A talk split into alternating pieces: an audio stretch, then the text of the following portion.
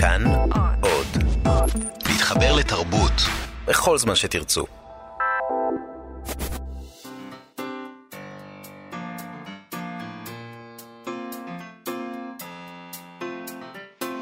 מה שכרוך. עם יובל אביבי ומה יעשה לה. שלום, אנחנו מה שכרוך, מגזין הספרות היומי של כאן תרבות. אה, שמחים שהצטרפתם אלינו, זו בעצם התוכנית האחרונה שלנו לשבוע הזה. זה נגמר כל כך מהר, כל שבוע. אה, מזל שיש גם את שבוע הבא. אה, איתנו באולפן שרון לרנר ושלומי בן עטיה שעושים איתנו את התוכנית. תודה לכם, ושלום גם לך, מאיה. שלום וברכה. מחר, 1 בנובמבר, הוא יום הטבעונות הבינלאומי. לכבוד זה אנחנו נדבר היום עם פרופסור צחי זמיר מהחוג לספרות באוניברסיטה העברית, שחוקר בין היתר את תחום האקו-קריטיסיזם, פרשנות אקולוגית של יצירות ספרות. נשאל אותו מה זה בעצם, אה, נדבר על הדרך שבה מייצגים בעלי חיים בספרות העברית. נדבר גם עם צעד הספרים שלנו, אילי גרין, אה, על עוד אה, ספר מעניין אה, שהוא אה, מכר לאחרונה, אה, על נשק, אצ"ל, לח"י ודברים כאלה כל שאני התחומים, אוהבת. כל התחומים האלה שהם ממש אה, הלחם והחמאה שלך. בדיוק.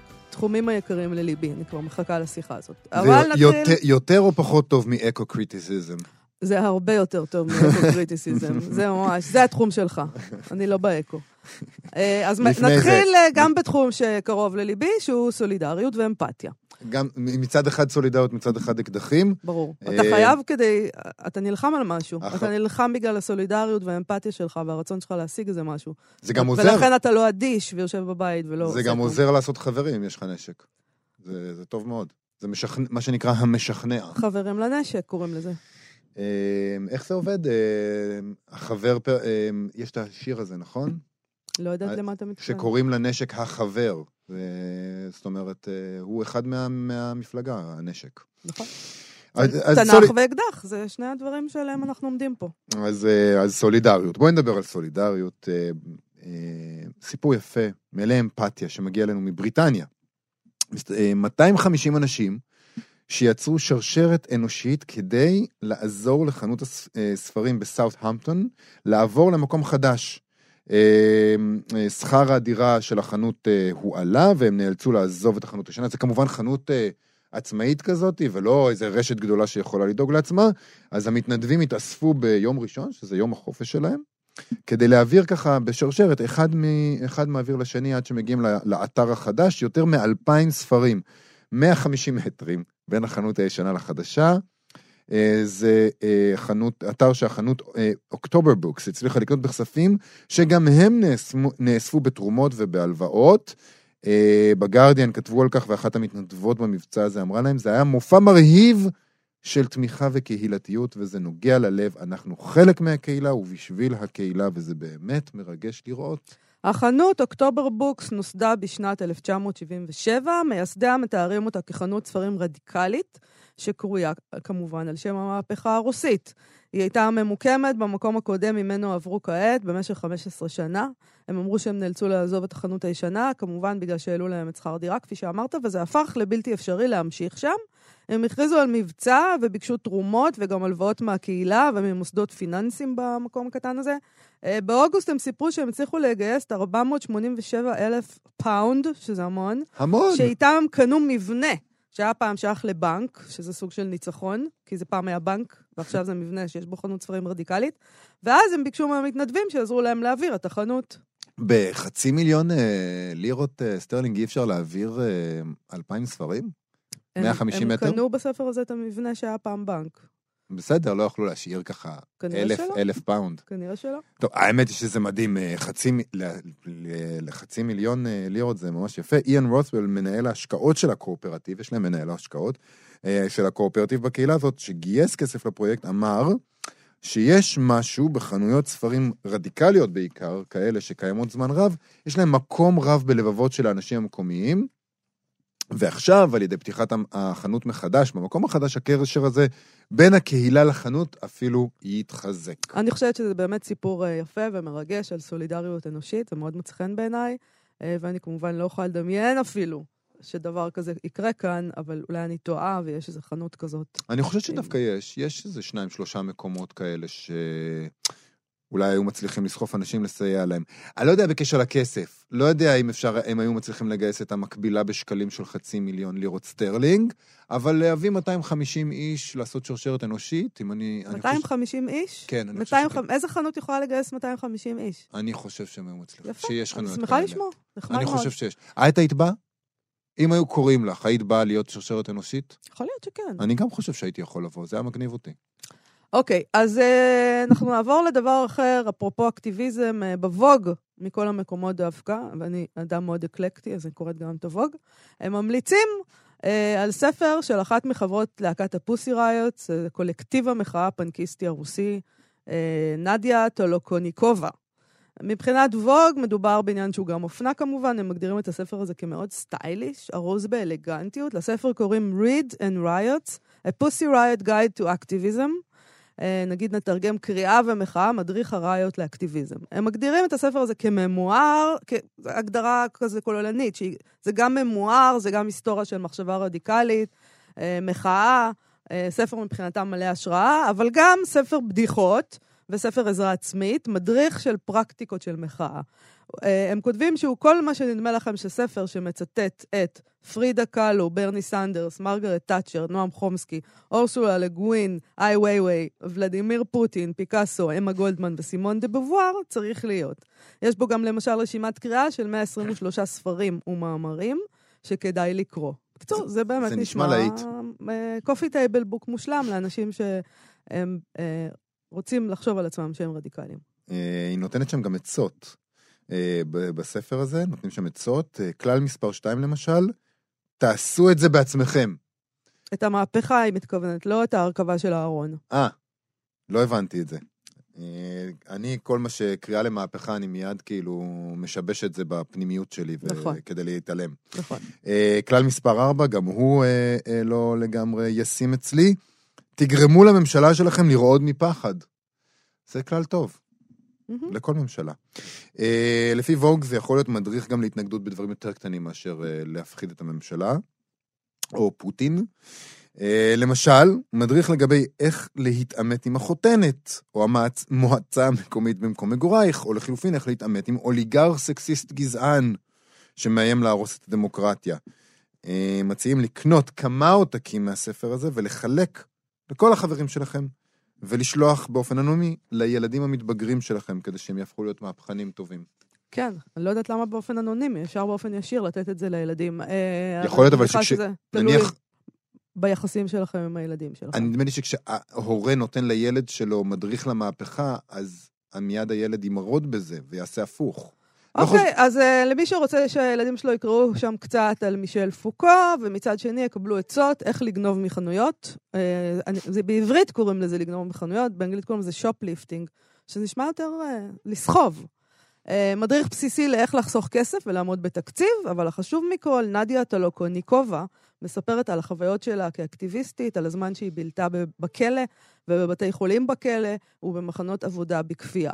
אה, יש איזה אבסורד אה, בעובדה שספר מהסוג הזה מומלץ בווג, אבל אנחנו כבר יודעים שהרדיקל שיק זה מותג שמוכר לא רע בכלל, ובאמת אה, גם אנשי האופנה אוהבים להיתפ- להיתפס כאנשים מאוד מאוד רדיקליים נכון. ומהפכנים. אתה יכול, גם אתה יכול להיות פנקיסט ומהפכן אמיתי עד מחר, אבל בסופו של דבר מישהו ייקח את הסטייל שלך ויעשה ממנו איזה הפקת אופנה על כרומו. וזה הניצחון האמיתי של אה, פוטין. מחר, הראשון בנובמבר, אה, מתקיים יום הטבעונות הבינלאומי. אירוע מרגש לכל הדעות. אה, לרגל המאורע הזה אנחנו נדבר עם פרופסור צחי זמיר מהחוג לספרות כללית והשוואתית באוניברסיטה העברית. הוא מלמד תחום פרשנות חדש יחסית, שנקרא אקו-קריטיסיזם, פרשנות אקולוגית, של יצירות אומנות בכלל, גם קולנוע, אבל גם ספרות, גם שירה, הכל אפשר לפרש דרך זה. אה, וגם כתב על אתיקה מול בעלי חיים וייצוגים של טבע וחיות בספרות. אה, שלום, פרופסור צחי זמיר. היי. אה, אולי נתחיל באמת בהסבר של לטובת מאזיננו שלא תמיד מעודכנים בכל הזרמים החדשים של, ה, של הפרשנות וגם האקדמית. אנחנו עצמנו, לא רק מאזינים. מה זה- מה זה אקו-קריטיסיזם? אקו-קריטיסיזם זה, זה, זה שם נורא בומבסטי אה, כדי לתאר בעצם אה, אה, פרשנות ש, שמתעכבת שמה זרקור על, על, על טבע, על בעלי חיים, על היחסים בין אנשים לבין בעלי חיים. אה, והיא עושה את זה מתוך, אה, אה, יכולה לשלב בתוכה מגוון של רגישויות שבעצם כבר יש לנו בתוך המסורת הפרשנית, למשל פרשנויות פמיניסטיות, פרשנויות שבוחנות ייצוגים דרך אינטרסים. ודברים מהסוג הזה, והיא התאפשרה, היא צמחה כביקורת או כזרם בפני עצמו, משום ש... אה, אה, צורות מסוימות של אה, החפצה של בעלי חיים או של, של ניצול של בעלי חיים כבר לא נתפסות עוד כמובנות מאליהן, בגלל כל מיני סיבות מורכבות, סיבות היסטוריות. אז, אז הפרשנות מסתובבת, מפנה תשומת לב לטבע ולאופן שבו הטבע נתפס כמשהו שרואים דרכו. זאת אומרת שזה ש... כן. דבר שבא מהכיוון הזה באמת של טבעונות? זה המקום שזה בא ממנו? זה בא לפני טבעונות, אבל, mm. אה, אבל אה, זה, בא, זה בא ביחד באמת עם רגישות אתית אחרת לבעלי חיים. זאת אומרת, אה, כן, במערב היה, היה האופן הרגיל שבו הצדיקו ניצול של בעלי חיים, הרג של בעלי חיים, זה דרך או המשגות דתיות. שאמרו לנו שאנחנו נזר הבריאה, או איזה מין דואליזם אה, אה, של גוף ונפש, לנו יש נפש, להם אין נפש, כן. או מין תפיסות טליאולוגיות כאלה, שיש להם איזו סיבה שמותר לעשות להם א', ב' וג', וכל זה פשוט קרס, אז, אה, אז פתאום מתחילים להסתכל על זה אחרת. מתי. התחילו, סליחה יובל, מתי התחילו, מתי זה התחיל, הסוג הזה של פרשנות? אני חושב שאין פה, איזה, פה איזה שם אחד בולט, כן? כן. בניגוד לכל מיני uh, תפיסות אחרות שיש איזה רגע מסוים. אין פה, אני חושב שמשנות ה-80, משנות ה-90, יחד עם כל מיני טקסטים שהתחילו להגיב אחרת לבעלי חיים, אז התחילו להיות אנשים שגם פירשו את זה קצת אחרת. ובמובן הזה יכול להיות שקצת הפילוסופיה כאן הקדימה, כן, סינגר ו- ו- ושחרור בעלי חיים שלו מ-1970 ואחר כך ריגן וזכויות בעלי חיים, זה אה, יצר אצל אנשים בתוך האקדמיה רגישות אחרת, ואז זה גם הביאו את זה לתוך, אה, לתוך אה, קריאות ספרותיות. אתה יכול לתת לנו אולי דוגמה לטקסט שהיינו קוראים אותו בצורה אחת ללא ה ecocriticism והדרך שבה ecocriticism משנה אותו? אה, למשל, אפשר לחשוב על משהו כמו אה, אה, מלוויל, כן, על מובי דיק. Mm-hmm. אז מובי דיק הוא, הוא, הוא טקסט שמתאר, כן, את הלוויתן, ואפשר לעשות לו כל מיני סימבולים לרדיפה אחרי הלוויתן, ומהו בדיוק הלוויתן הזה. אבל ecocriticism יפנה תשומת לב לאופן שבו דגים את הלוויתן, הורגים את הלוויתן, האופן שבו ההרג של הלוויתן צובע גם את ההורגים. וגם את הלוויתן עצמו, זאת אומרת האדם באיזשהו אופן אצל מלוויל הוא משהו ש, שמתפזר אה, ואופף את הלוויתן ואת, ה, ואת אלה שהורגים אותו באיזה מין בועה אחת כזו, וקורה משהו לאנשים אחרי שהם הורגים דבר כל כך גדול. כן. אז הפרשן או הפרשנית יחפשו להצביע על זה פתאום, כן? לא על איזה לקחת את הלוויתן ולהפוך אותו לסמל למשהו אחר, אלא מה קורה כשהורגים דבר כזה. תגיד, אה, אנחנו באים עם כל מיני תפיסות מאוד חדשות שלנו, שבעצם לא היו קיימות פעם. פעם אה, אה, כל המחשב... יכול להיות שהרג של לוויתן באמת השפיע על אנשים תמיד. אני לא חושב שאפשר להרוג בעל חיים בלי שזה ישפיע עליך גם בעבר, אבל לקחו את זה יותר בקלות והתייחסו לזה כאיזה לא, כוח המציאות. לא, אני חושבת שיכול להיות שפעם זה היה, התפיסה הייתה שהאדם מול איתני הטבע. זו, זו הייתה התפיסה, לא? הנה הדבר הגדול הזה, לוויתן, והאדם נלחם בו, זה איתני הטבע. אז זאת באמת השאלה, האם... ובעצם התפיסה עכשיו אה, הביקורתית הזאת של האקו-קריטיסיזם, אנחנו אומרת... בתוך הטבע. בדיוק. אני צודקת, פרופסור? אני הייתי מבדיל בין האדם אל מול הטבע, שזה נשאר איתנו, האתגר הזה של, ש, שיש את הטבע ואנחנו מנסים כל הזמן להיות בדיאלוג איתו, שלא לא סתם נכנע אליו. Mm-hmm. הטבע הגופני שלנו, אה, העובדה שנמות, לבין מה שקורה עם בעלי חיים. מה שקורה עם בעלי חיים הצריך הצדקה מבני אדם עוד בספר בראשית. זאת אומרת, בפרשת נוח אלוהים נותן לאנשים הצדקה לאכול בעלי חיים. זאת אומרת, מישהו, שם, מישהו כבר שם חיפש הצדקה. זאת אומרת, קלטו שזה לא בסדר באיזשהו מקום, כן, שצריך כן, כן להסביר כן, למה זה מותר. כן, ש, ש, שיש פה משהו שאתה הורג אותו לפני שהוא מת מעצמו, ואתה אוכל אותו, ואולי יש לך חלופה, וה, והרעיון שהדבר הזה מחייב הצדקה הוא רעיון, הוא רעיון מאוד עתיק, זה לא משהו חדש ש, ש, שקרה עכשיו. אבל יכול להיות שהאקו-קריטיסיזם, אה, מה שאני מנסה להגיד זה שהוא מפרש יצירות אה, עתיקות, או עתיקות יותר כמו התנ"ך, או עתיקות פחות כמו מלוויל, אה, ו- ומפרש אותם עם כלים חדשים של, שלא היו קיימים אז, ולכן יכול להיות שהיצירה לא נכתבה לאורם. האם הספרות כבר אז באמת התעסקה בזה, או שאנחנו כופים עליה את הפרשנות הזאת עכשיו בגלל הערכים החדשים שלנו? ספרות טובה, אומנות טובה, תמיד מחייבת השתהות. אה, ותמיד, אה, וכשהיא באמת טובה, אז אה, צועדים קצת מעבר למה שהתרבות עצמה נותנת למי שיוצר אותה. ו, ו, ו, וסופר אה, או, או, או משוררת אה, טובה יודעים פתאום לעצור ולהשתהות עם איזה משהו שלא כל כך ברור, ולאו דווקא יכולים לשים על זה את האצבע, הם פשוט עוצרים שם. ו, ופרשנות בדיעבד מסוגלת להצביע על זה, מסוגלת להצביע על רגע כזה שבו יש איזה היסוס, שמשהו שם, אה, נתתי דוגמה של מלוויל, שמישהו פתאום, מישהו שהרג את, את הלוויתן הזה, והוא לא איזה מישהו, הוא לא איזה אוהב טבע או אוהב לוויתנים, הוא פשוט עומד ומעשן את המקטרת שלו ומסתכל מלוויל כותב on the vast corpse that he has made, כן, איזה מין משהו כזה, הוא, תופס איזה רגע של, של, של לעצור שם. אז לאו דווקא מלוויל הוא איזה מין, אה, כן, אה, אה, פטרון של זכויות בעלי חיים, ולאו דווקא הדמות שהוא מתאר, אבל, אבל הרגע של העצירה הוא רגע שאנחנו יכולים היום להסתכל ולהגיד, קורה כאן איזה, זה רגע של דיסוננס, זה רגע של, של מה עשיתי פה. אבל זו, טענה ש, שבעצם מובלעת בהנחה שגם אם מלוויל הוא לא אביר זכויות בעלי החיים, אה, יש לו איזשהו חוש מוסרי אולי שלבני תקופתו לא היה, כיוון שהוא סופר. אה, זה יכול להיות, אתה יכול לנסח את זה במונחים מוסריים. מוסרים, מוסריות אני מצפה שהיא תהיה קצת יותר, אה, אה, יותר מפורשת. הוא צריך להגיד לנו זה לא בסדר או משהו מהסוג הזה. אני לא חושב שהם שם, שהרבה מהסופרים של העבר, אני לא חושב שהם שם. אני חושב שהם, שהם כן במקום שזה פתאום מטריד, שזה פתאום, יש איזה, יש איזה משהו שלא לא מסתדר פה, יש פה משהו שמתעכבים עליו. יש איזה דה-אוטומטיזציה במבט. וזה הם לוכדים. ואנחנו היום יכולים להכניס לזה כל מיני דברים, אבל הרעיון הוא לא לגייס את מלוויל עכשיו ולהגיד, הנה הוא ראה משהו שאנחנו...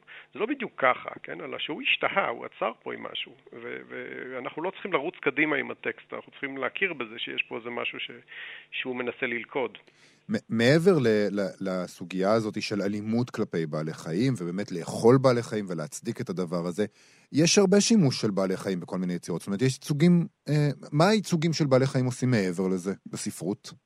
יש, אה, קודם כל בהקשר של הרצח והשימוש והאכילה וכיוצא באלה, מה, מה שספרות עושה יותר ויותר היום זה לדבר על הפן האנושי של זה, זאת אומרת לא, לא, לא, לא הפן המקרבן, לא הם סובלים או הם מתים, אלא מה, מה המשמעות של, של, אני לא יודע מה, שיש, שמישהו קם בבוקר ועובד אה, והורג כך וכך מאות תרנגולות ביום, וזה, וזה יום העבודה שלו, לזה הוא קם.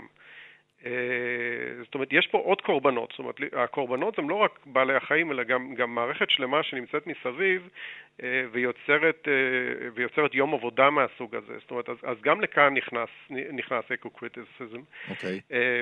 זה נכנס לתוך, כן, היחס בין, כן, וירג'יניה וולף כותבת את פלאש, כן, על, על, על היחסים בין משוררת לבין, לבין הכלב שלה. ומה הכלב רואה, ומה המשוררת רואה, וה... ההישענות שלה על שפה והאופן שבו הכלב מגיב למציאות באופן אחר לחלוטין, וכך שהם בעצם חיים ביחד באיזשהו אופן, כשכל אחד מהם יש לו עיבוד אחר לגמרי של, ה, אה, של המציאות, וה, והפער הזה ביניהם, ולחיות את הפער הזה, זאת אומרת, מה אנחנו בכלל עושים עם בעלי חיים בבתים שלנו? מה אנחנו מחפשים מהם? למה אנחנו נדבקים ל... לא יודע מה, לחתול, לכלב, ל...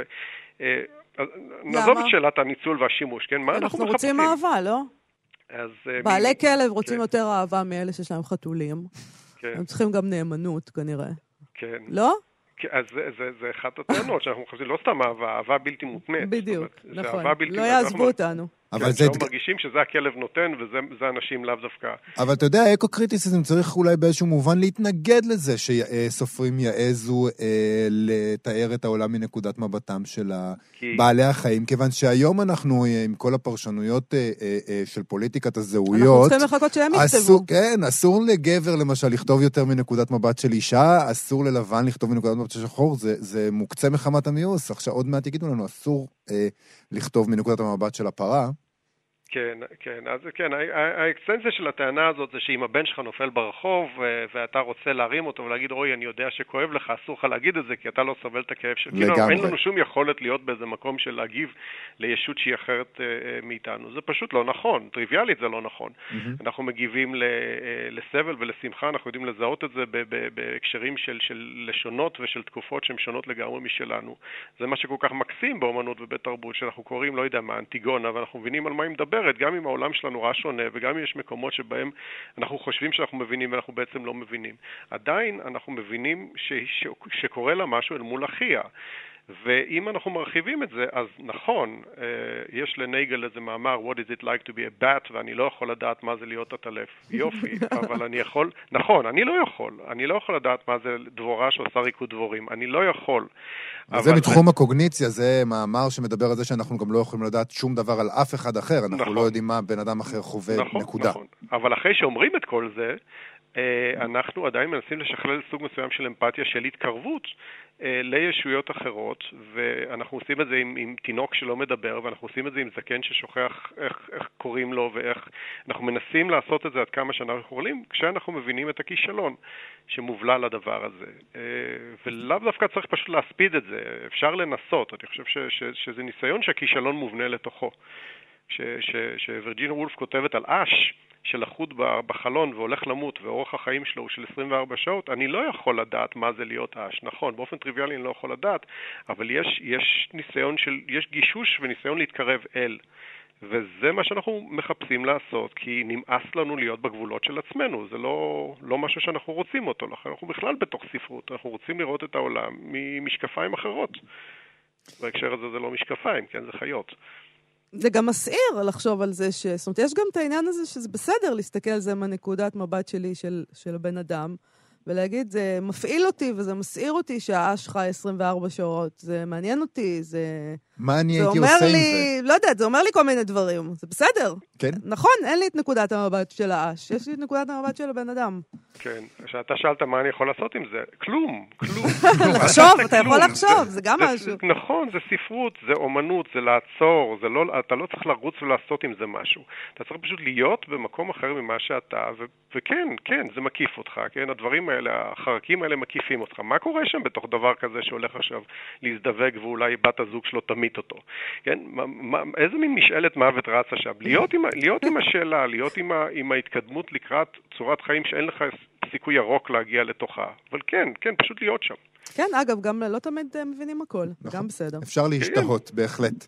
אה, פרופסור צחי זמיר מהאוניברסיטה העברית, תודה רבה לך על השיחה הזאת. תודה, להתראות. נהניתי לדבר איתכם, ביי. תודה. ושלום לאילי גרין, צעד הספרים שלנו מחנות הספרים המשומשים, האחים גרין. שלום, שלום. שלום לך, על מה אנחנו נדבר היום? היום אנחנו נדבר על אה, ספר מאוד מיוחד שמצאתי, שהוא נקרא האקדח. אה, נושא אהוב עליי. כן, לגמרי, האקדח. לגמרי, וכלי נשק, כן. בגדול זה ספר הדרכה אה, על סוגי אקדחים ו... ו... שמסביר איך לראות ולתפעל אקדח, אבל מה שמיוחד בו, שהמחבר שלו זה ד' נקודה רש, או ראש, ר"א ש'. עכשיו זה בעצם אה, שם של שני אנשים שנקראו יאיר שטרן ודוד רזיאל, מפקדי הלח"י והאצ"ל. שמענו עליהם, כן. שמעתם עליהם, כן. הם הוציאו את הספר הדרכה הזה אה, תחת מעטה חשאיות, בעצם רשום שהוא יצא בדנציג בגרמניה, שבפועל הוא יצא כאן בתל אביב. באיזה שנה? 1936. אוקיי. אה, תחת אה, החזית המרכזית של ברית החיילים היהודים.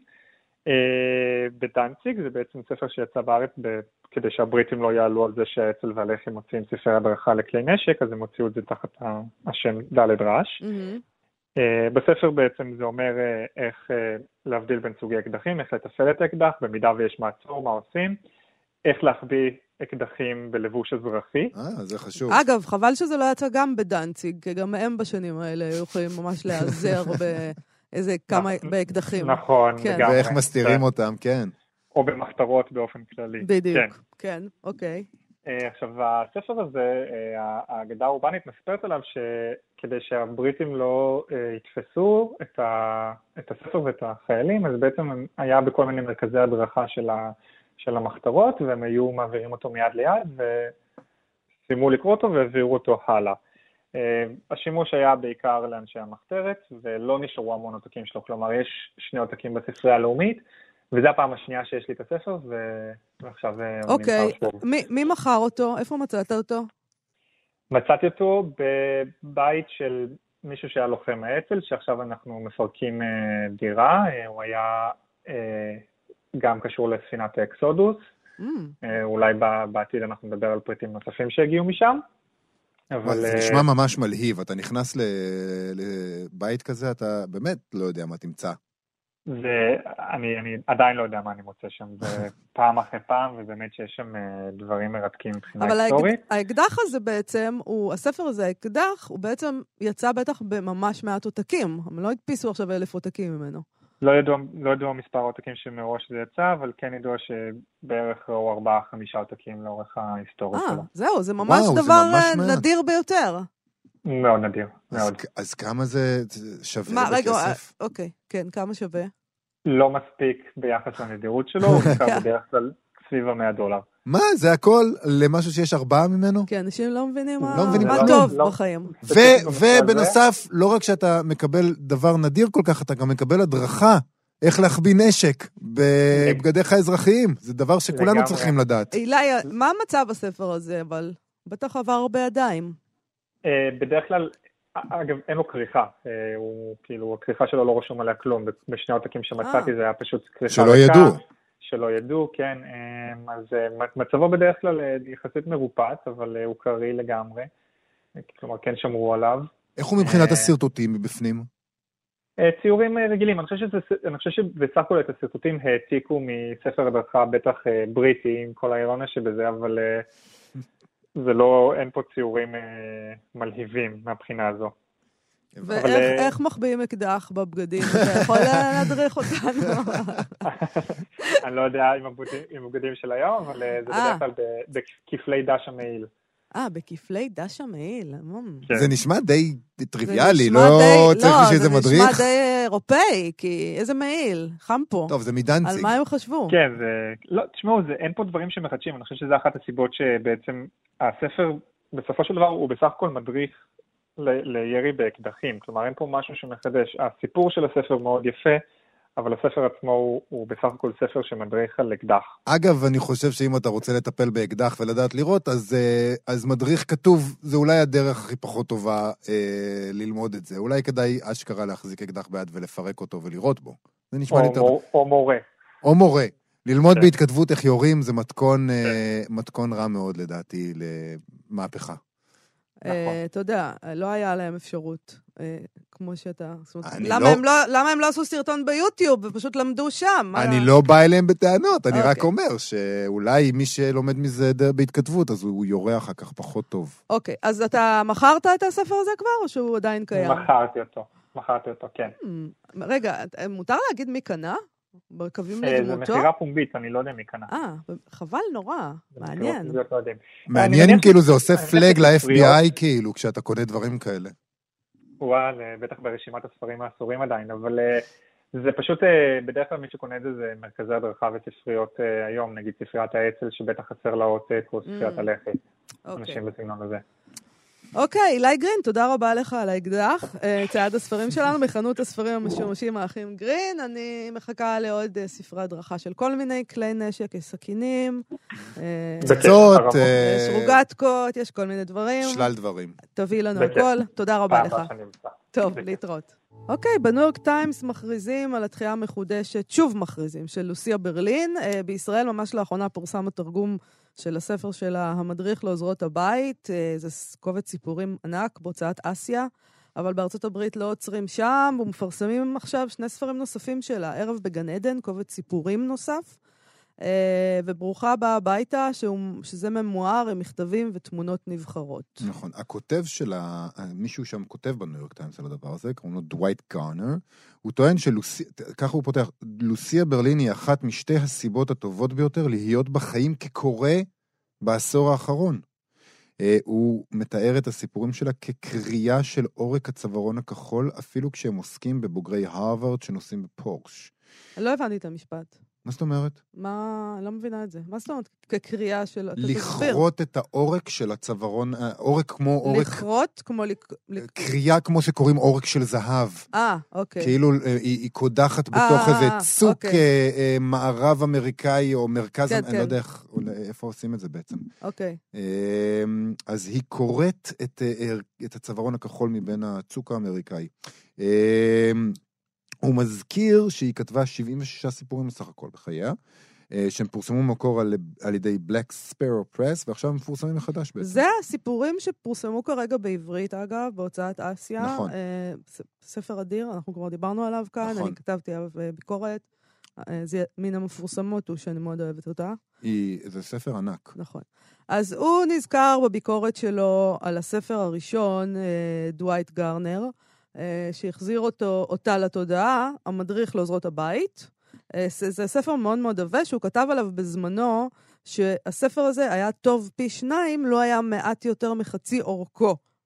ברליני סופרת שאתה רוצה בכיס האחורי, ומשקל המצבה של הכרך הזה הופך אותה לשיעורי בית. היו סיפורים שאפשר היה להוריד. אני לא מסכימה איתו. לא, הוא גם לא מסכים עם עצמו, זה הקטע, הוא, הוא, הוא נזכר בזה באימה, אני חושב, והוא כותב שהוא עדיין חושב שהיא סופרת שמתאימה לכיס האחורי. אני גם חושב שזאת הגדרה, הגדרה טובה ללוסיה ברלין, שהיא כאילו זה מין דבר כזה שאתה סוחב אותו איתך, נכון? מהספרים האלה שאתה רוצה להציץ בהם ולקרוא בהם. שטויות, סתם רומנטיקה.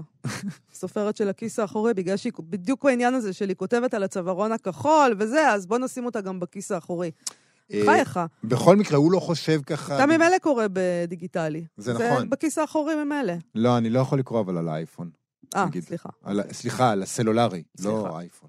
אתה בכל זאת אדם מבוגר, אה? זה קטן נורא. אני בסדר, בסדר. אני בטח לא יכולה לקרוא בטלפון.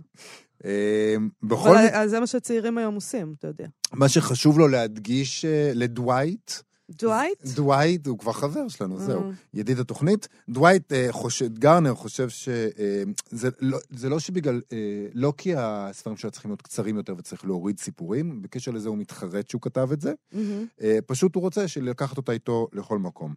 אה, הוא קרא את קובץ הסיפורים החדש, שכולל כל מיני סיפורים שלא היו בקובץ הראשון, והוא אמר, אני לא מוצא אותו מיותר בכלל, זה לא שאני מרגיש ש, שיש, ש, שזה, שזה עודף, שזה מיותר לי הסיפורים החדשים. לא. על הממואר הוא דווקא כותב שהוא לא עשיר כמו הפרוזה שלו, אה, הוא מציין שהיא גם לא סיימה אותו בחייו, ולדעתו הממואר הזה הוא בעל ערך רק עד שמישהו ירים את הכפפה ויכתוב עליה סוף סוף את הביוגרפיה שלה. אוקיי, אבל הוא כן מוצא שם סיפורים מעניינים. אה, אני גם בזמנו קראתי אה, מכתבים שהיא כתבה, יש כמה כאלה שמפוזרים ברשת, אה, כותבת, גם את המכתבים היא כותבת מקסים. באחד המכתבים היא מתארת ארוחת צהריים עם הסוכן שלה, שאותו היא מכנה סרסור ארור, ועם עורך מאחת ההוצאות הגדולות, ושני הגברים האלה משתכרים, ובדרך החוצה העורך רוטן, שברלין נחמדה בערך כמו הסיפורים שלה, והסוכן שלה אומר, משיב, אה, קלטת את זה יפה. אה, היא, היא זועמת מה, מהמפגש הזה אה, עם שניהם, שני גברים אה, ש... שיש להם הערות על הנחמדות שלה. למה את לא נחמדה? למה את לא מחייכת? זה נח... מה שנחמד זה שאף אחד לא זוכר את שני אלו, אבל אותה, הנה, זוכרים ויזכרו. אז נתקדם.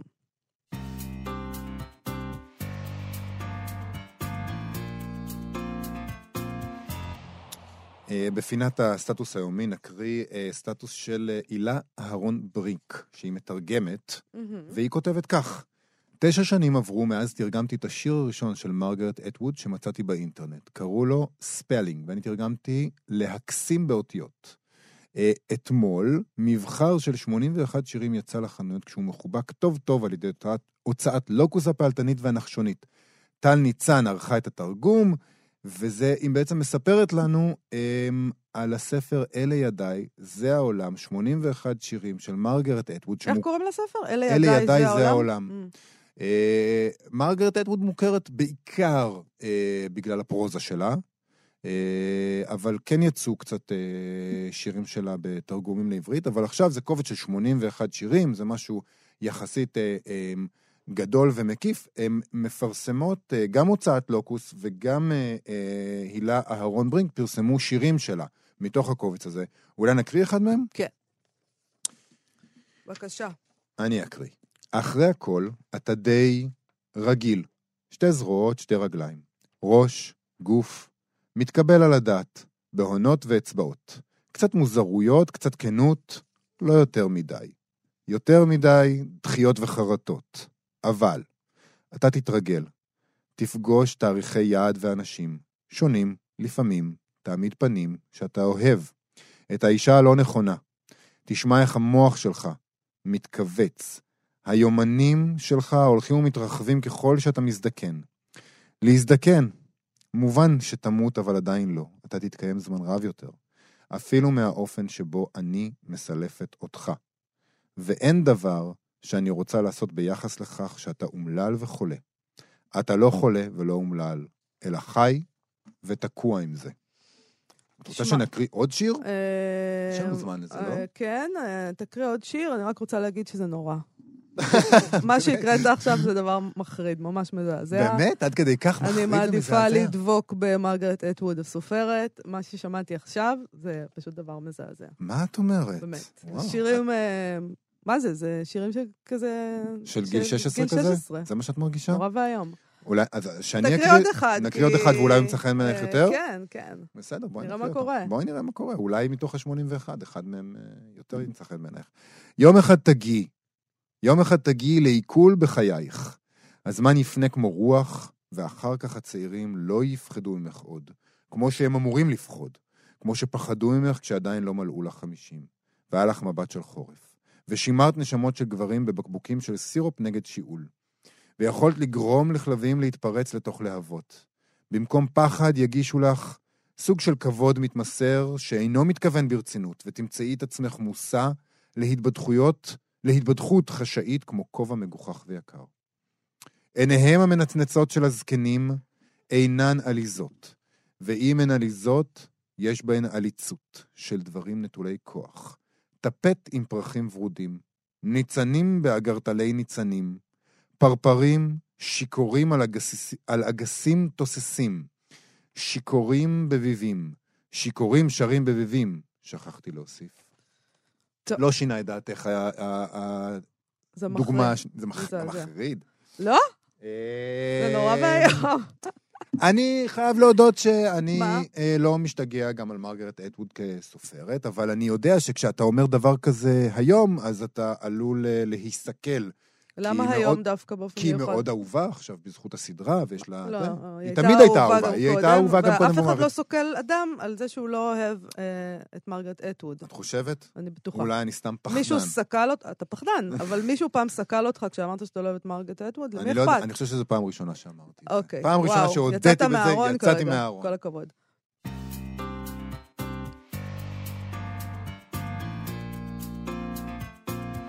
כרגיל ביום רביעי, אנחנו מסיימים עם כמה המלצות ספרותיות לסוף השבוע. בבקשה, יובל. אה, בבקשה, היום בשבע וחצי בערב, במרכז התרבות במשכנות שנים בירושלים, מתקיים אירוע לרגל צאת ספרו החדש של אשכול נבו.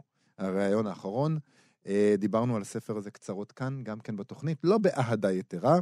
אה, שרה בלאו תנחה ותראיין את אשכול נבו על אמת ושקר בכתיבה ועל היחסים בין הסופר לקורא. השתתפו גם עלמה דישי בקטעי קריאה ויאלי סובול בזמרה. ביום חמישי יתקיים החל בתשע בבוקר בבית ציוני אמריקה בתל אביב, כנס הפנקס לספרות ילדים ונוער בשיתוף ספריית בית אריאלה.